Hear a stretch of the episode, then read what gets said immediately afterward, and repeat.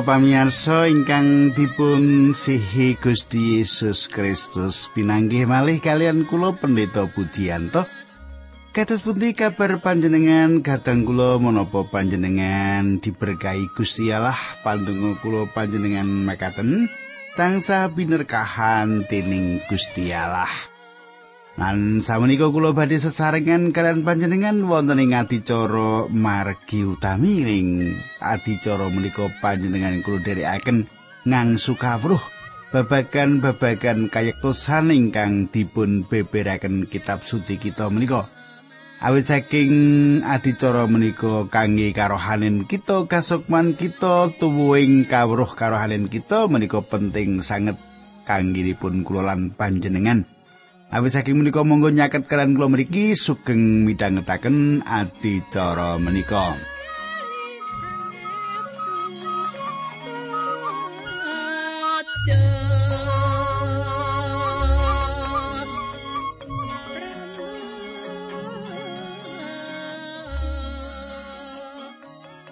Para pamirsa wonten ing pepanggihan ingkang kepengker kita sampun nyemak kados pundi Paulus ngimutaken kita supados kita mboten masrahaken badan kita dumateng dosa. Salajengipun kados pundi katang kula kita badhe nyemak samenika nanging saderengipun menika kita badhe ndedonga. Ning sadurunge ndedonga sae menawi kula ngaturaken salam-salam riyin. Endi layang-layang iki mau nggih? Tak golekani sik layangi nggih. Salam kula dumateng Bapak Warsono. Nggih, Bapak Warsono, kados pundi Pak Warsono? Menapa panjenengan sesarengan kalian kula ing wanci menika?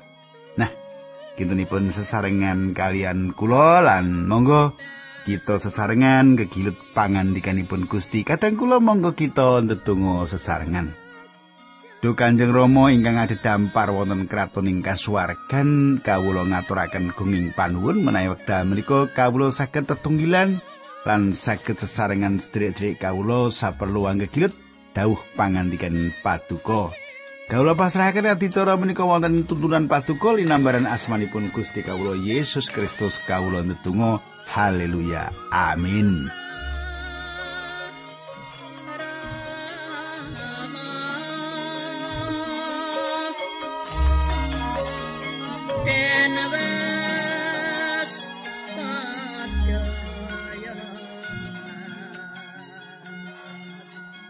Para pamirsa ingkang kula tresnani samenika pasinaon kita sampun lumebet ing serat Rom ayat 18 Rom 6 ngantos dumugi ayat 18 lan mangke badhe kita lajengaken. Makaten surau sing pangandikan. Aja nganti si dosa nguasani kowe. Sebab uripmu wis ora kawengku dening toret meneh nanging kawengku ing sih rahmate Gusti Allah. Kadang kula angger-angger torat kaparingaken dumateng manungsa supados saged ngendhaleni sifat lami manungsa. Minangka jejeripun tiang pitados panjenengan boten saged gesang wonten ing salebetipun sifat lami.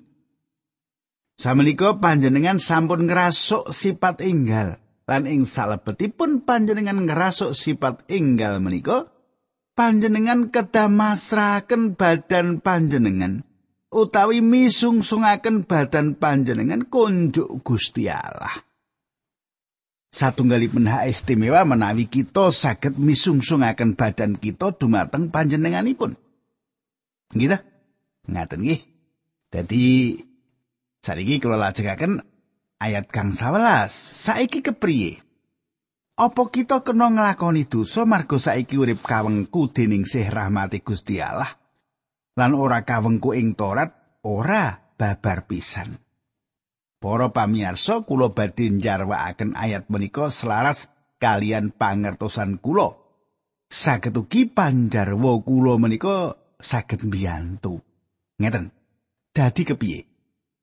Apa kita bakal gawe dosa? Awet kita ora kabawah angger-angger Torat nanging ke bawah si rahmat? Utawi apa kudu kita nindakake penggawe dosa? Kue ora meneh kawengku angger-angger Torat nanging kawengku ing si rahmat. Ora, babar pisan. Ilangi pikiran kang mengkono kuwi. Nah, pitakenan ing mriki dipun damel benten menawi kabanding kalian ayat setunggal. Paulus sampun nedahaken ing salebetipun 18 ayat ingkang kapengker pilih cara nyucikaken Gusti Allah gadah landesan ingkang sami kalian dipun beneraken. Inggih menika awet iman, iman bilih Gusti Allah kagungan panguwaos nindakaken pasujan menika. Panjenengan lan kula mboten saged nindakaken. Ing wekdal kita sinau bilih kita mboten saged nindakaken gesang kekristenan, kita sinau satunggalipun perkawis ingkang saestu aji. Selajengipun kita dipun cawisaken supados kita nyukani wewengan panjenenganipun ngesangaken ing salebetipun gesang kita.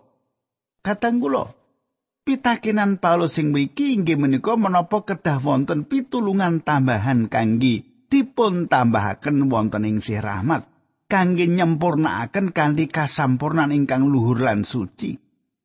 Kanthi tembung sanes, manungsa limrah gadah pikiran kedah wonten sajinis paugeran, kaidah utawi aturan ingkang dipun paringaken.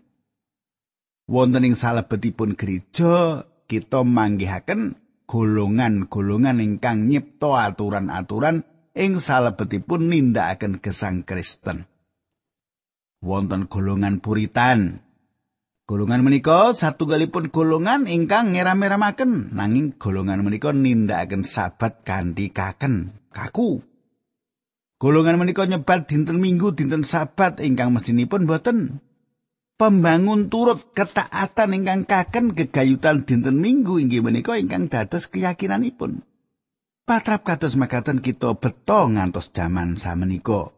menawi wonten tiang pitados nindakaken satunggalipun perkawis nahan diri mboten nindakaken perkawis-perkawis sanes mila tiang menika kawastani nindakaken gesang kekristenan inggih menika ingkang dados sebabipun kenging menapa kita lumawan pikiran pilih panjenengan saged dados tiang Kristen ingkang ngidap-idapi namung kanthi kursus-kursus cekak ingkang kathah dipun gelaring jaman samenika Mboten kados makaten caranipun panjenengan dados tiang Kristen.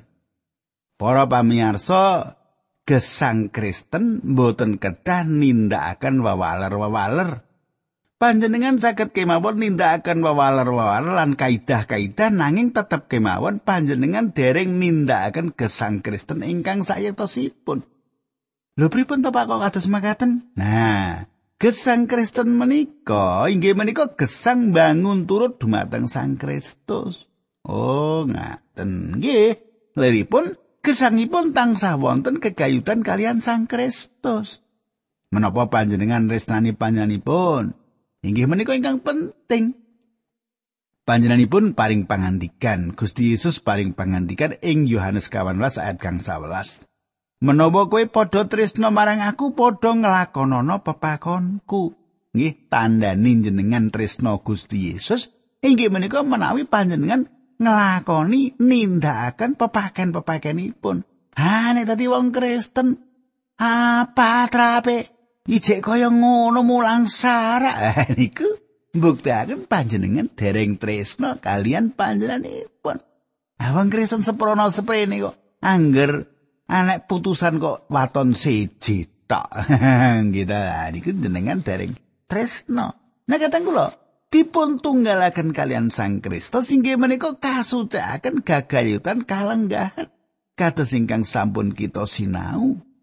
Panjenengan kalenggahanipun dados putraning Allah menika awet saking dipun sucikaken inggih menika landesanipun. Nanging patrap bangun turut taat dumateng Sang Kristus.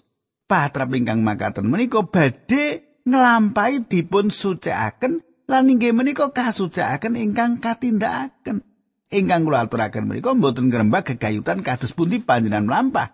Nanging wonten pundi panjenengan mlampah menapa panjenengan mlampah ing salebetipun padang mlampah wonten ing salebetipun patunggalipun Sang Kristus menapa mboten. Menika nggih. Anek panjenengan lampahipun menika wonten salebetipun Sang Kristus ateges panjenengan sampun dipun sucikaken. Ngaten nggih. Nah, dosa menika sampun tentu badhe ngrisak patunggilan. Lan salajengipun kita kedah ngakeni dosa menika.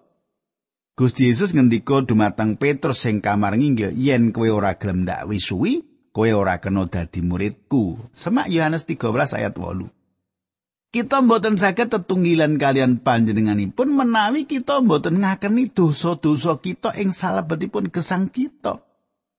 Ingkang dados kewajiban Gusti inggih menika nyucikaken, nyucikaken kita.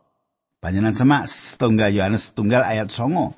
Perkawis ingkang penting tumrap kula lan panjenengan inggih menika gadah patunggilan kalian Gusti Yesus Kristus lan bangun turut dumateng panjenenganipun.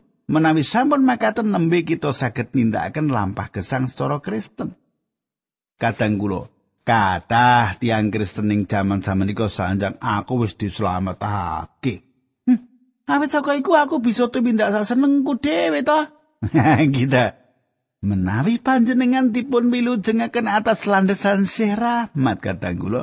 Panjenengan boten saged tumindak saremenipun piyambak kados ingkang badhe kita semak ing 8 Ing salebeting seratipun dumateng tiang-tiang pitados sing Galatia, Paulus nyetakaken pilih wonten tigang cara kangge panjenengan supados saged gesang. Ongkos tunggal panjenengan saged gesang kanthi pepaken, kanthi hukum. Kalih panjenengan saged gesang awit saking pikantuk palilah utawi izin. Angka tiga, panjenengan saged gesang awit kamardikan. Gesang kanthi pepaken adama sedaya tiang nindakaken gesang menika kanthi sawetawis watonan. Nah, kadang kula menawi panjenengan gesang awit saking angger-angger. Gesang ingkang kados makaten menika ateges panjenengan gesang kanthi ngginakaken sifat ingkang lami. Menawi panjenengan menika putranipun Gusti Allah, panjenengan boten saged tumindak saremanipun piyambak. Panjenengan kedah nindakaken perkawis ingkang anda dosaken keparengipun Sang Kristus. Panjenengan kedah bangun turut dumateng Gusti Yesus Kristus lan misung-sungaken badan panjenengan dumateng panjenenganipun inggih menika sifat patrap ingkang gampil langkung gampil ketimbang ingkang panjenengan raosaken. Sama ayat 16. Nggih.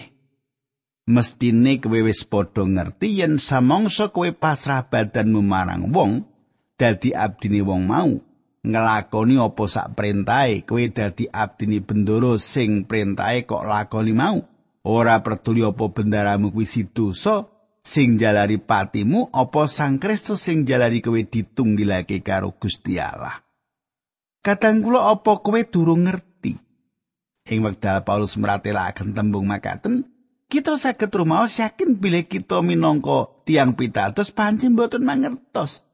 Lan kita perlu mangertos perkawis menika. Yen semongso kowe pasrah badanmu marang wong dadi abdine wong mau ngelakoni apa sak perintahe kowe dadi abdine bendoro sing perintahe kok lakoni mau. Saben tiang gesang inggih menika abdi saking tiang utawi abdi satunggalipun perkawis. Panjenan malah sakit bangun turut dumateng iblis. Awis saking sifat kita piyambak. Anda dosaken kita dados abdi utawi kawulo saking satunggalipun perkawis utawi abdi saking satunggalipun tiang. Samenika Paulus meratelaken bila ingkang dados bendoro kita inggih menika tiang ingkang anda dosaken kita bangun turut. Menawi panjenengan bangun turut dumateng dosa, pramila dosa menika ingkang dados bendaranipun. Ampun sancang Sang Kristus menika bendoro panjenengan menawi panjenengan gesang ing salebetipun dosa. Panjenenganipun sanes bendoro panjenengan, panjenenganipun nuntun panjenengan dumateng kamardikan. Ih, cetha nggih. Cobi jenengan waos Yohanes 8 ayat 36. Yen Sang Putra wis merdekake kowe, kowe lagi dadi wong merdeka temenan. Merdeka nindakaken menapa menika? Panjenengan merdeka gesang kangge panjenenganipun merdeka bangun turut dumateng panjenenganipun lan Gusti Yesus pindah malih paling pangandikan ing Yohanes 8 ayat 3 sekawan pangandikane Gusti Yesus padha elinga kabeh wong sing gawe dosa kuwi dadi bature dosa Samenika kula badhe ngaturaken satunggalipun pasemon ingkang sederhana. Satunggalipun wekdal kula ningali para sopir sawektu jagungan.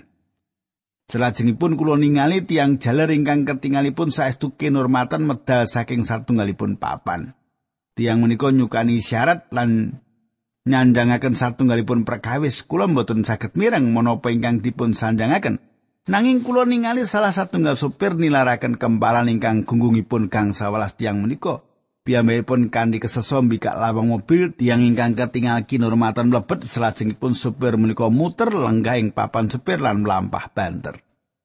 Kulo saged ngaturaken bilih supir menika inggih menika pelados utawi tiang ingkang nyambut damel ing tiang ingkang nyeluk menika.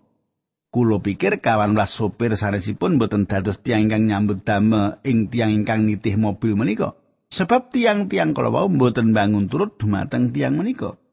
Namung tiang ingkang bangun turut dumateng piyambakipun ingkang nyambut damel dumateng tiang menika. Piyambakipun bangun turut dumateng tiang menika, awet tiang menika dados bendaranipun, inggih menika ingkang dipun pratelakaken kalian Paulus. Tanpa ningali sinten panjenengan, sinten kemawon ingkang kedah panjenengan turuti. Menapa kemawon ingkang kedah panjenengan bangun turut taati inggih menika bendoro panjenengan. panjenengan temtu bangun turut dumateng satunggalipun tiang utawi satunggalipun perkawis.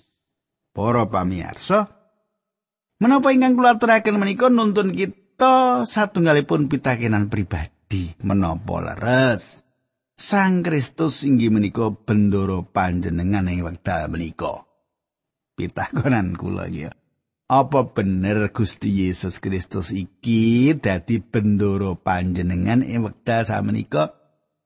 Namung awit panjenengan boten mejahi, panjenengan boten apus-apus, panjenengan boten nindakaken perkawis-perkawis sanesipun ingkang dipun larang angger-anggering Musa, boten ateges panjenengan sampun nglampahi gesang secara Kristen. Sakit ugi menika leripun panjenengan nglampahi gesang kadhi sae nanging nggih winates sing menika kemawon. Gesang Kristen inggih menika satunggalipun gesang ingkang ing salebeting gesang menika kita bangun turut dumateng Sang Kristus. Cetangi? Cetangi? Nah, tak teruske ayat pitulas. Nanging puji syukur marang Gusti Allah dene senajan kowe biyen tau dadi budak isi dosa, saiki kowe kelawan ikhlas ing ati wis padha bangun turut marang bebeneran sing kawulangake marang kowe. Kadang kula kanthi tembung sanes menawi panjenengan tasih wonten ing jagat. Menawi panjenengan kesasar, pramila sejatosipun panjenengan tasih bangun turut dumateng dosa. Inggih satunggalipun patra ingkang limprah menawi panjenengan gadah tumindak ingkang kados makaten. Kasunyatan pilih menawi panjenengan bangun turut dumateng Sang Kristus satunggalipun perkawis ingkang penting. Perkawis sanesipun ingkang kedah panjenengan pahami inggih menika ing wekdal panjenengan dipun wilujengaken panjenengan gadah sifat inggal ingkang andadosaken panjenengan saged bangun turut dumateng Sang Kristus. Paulus gadah pengalaman kados ingkang badhe kita sinau wucalan ing pasal salajengipun dados tiang Kristen inggal lan ngrumaosi menawi sifat dangunipun boten wonten ginanipun. sifat laminipun boten wonten ginanipun. Paulus sanjang Rom pitu ayat 18 Aku ngakoni yen aku iki manungsa ora kadunungan apa-apa sing becik senajan aku kepengin nindakake sing becik nanging aku ora bisa nglakoni. Kadang kula sinaosa kathah ing antawis kita ingkang dereng mangertos babagan menika Perkawis menika mboten wonten ginanipun kangge kita sifat lami mboten wonten ginanipun. Panjenengan saged tumindak kathah kangge ngindakaken nanging panjenengan tamtu yakin menawi panjenengan mboten saged adamel samudayanipun sae. Para pamirsa kasunyatan ngagetaken ingkang kaping kalih inggih menika mboten wonten panguwasing salebetipun sifat inggal. Ora ana kuwasa ing sajroning sifat anyar. Ing mriki saperangan ageng kita nindakaken kalepatan. Kita gada pikiran pilih awit kita samenika tiang Kristen. Pramila kita saged wonten ing puncak jagat. Kita mboten saged. Kita tasih ringgih kados dene saderengipun inggih menika jalaranipun kenging menapa kita kedah lumampah kanthi iman lan ing salebetipun panguwasipun Sang Roh Suci. Namung Sang Roh Allah ingkang saged nitahaken gesang Kristen kados dene ingkang badhe kita semak mangke. Cupi Rom 6 ayat 12 panjenengan semak nggih tak wacake. Kowe wis padha keluaran saka ing dosa supaya padha dadi abdine bebeneran. Kadang kula kula sampun kaluaran. Kadi tembung sanes? panjenenganipun ingkang dados jalaran kita saged ningakaken gesang Kristen. Menika mboten ateges dosa dipun besmi utawa dipun icali. Daripun samenika kita saged gesang kagem Gusti Allah. Ayat 19. Enggonku nganggo tulodo budak kuwi supaya gampang kok tampa. Biyen kowe padha masrahake badanmu sakujur dadi budake penggawe sikotor lan duraka kanggo nindakake piolo Semono saiki bareng wis dadi abdine bebeneran, badanmu sekucur padha pasrahno kanggo lantaraning tumindak sing dadi keparengi Gusti Allah. Para pamirsa, kula badhe ngaturaken dumateng panjenengan jarwanipun ayat menika.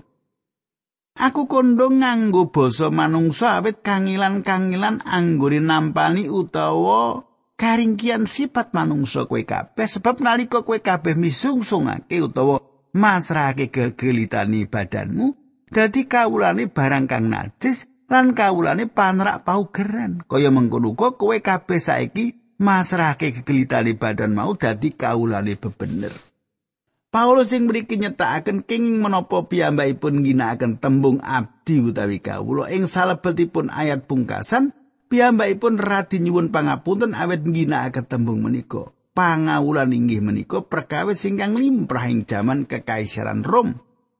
Satus rong puluh yuto tiang ing kekaisaran Rom sapalipun inggih menika batur tukon utawa budak. Kata tiang Kristen ingkang dados batur tukon lan serat kiriman Filimon meratelaken bilih kamardikan inggih menika hak milik ingkang saestu larang aji lan angel dipun panggihaken. Samenika Paulus ngginakaken kali tembung ingkang gambaraken bandingan utawi perkawis ingkang sami, ingkang misuwur, ingkang gambaraken minangka istilah manungsa aku kondo perkara iki secara kamanungsan. Paulus mboten gadah kekajengan sanjang bilih piyambakipun, sanjangipun mboten kinantenan ilham nanging piyambakipun sanjang kanthi cara ingkang saged kita mangertos. Lan kita saged mangertos menapa ingkang dipun sanjangaken kanthi ginakaken istilah manungsa kita menika sayektosipun abdi. Kadang kula para pemimpin agami runtik manahipun ing wekdal Gusti ngendika pilih para pemimpin menika dados kawulanipun dosa, bature dosa. Menapa panjenengan tasih kemutan ing wekdal Gusti Yesus ngendika dumateng tiang-tiang Yahudi ingkang pitados dumateng panjenenganipun?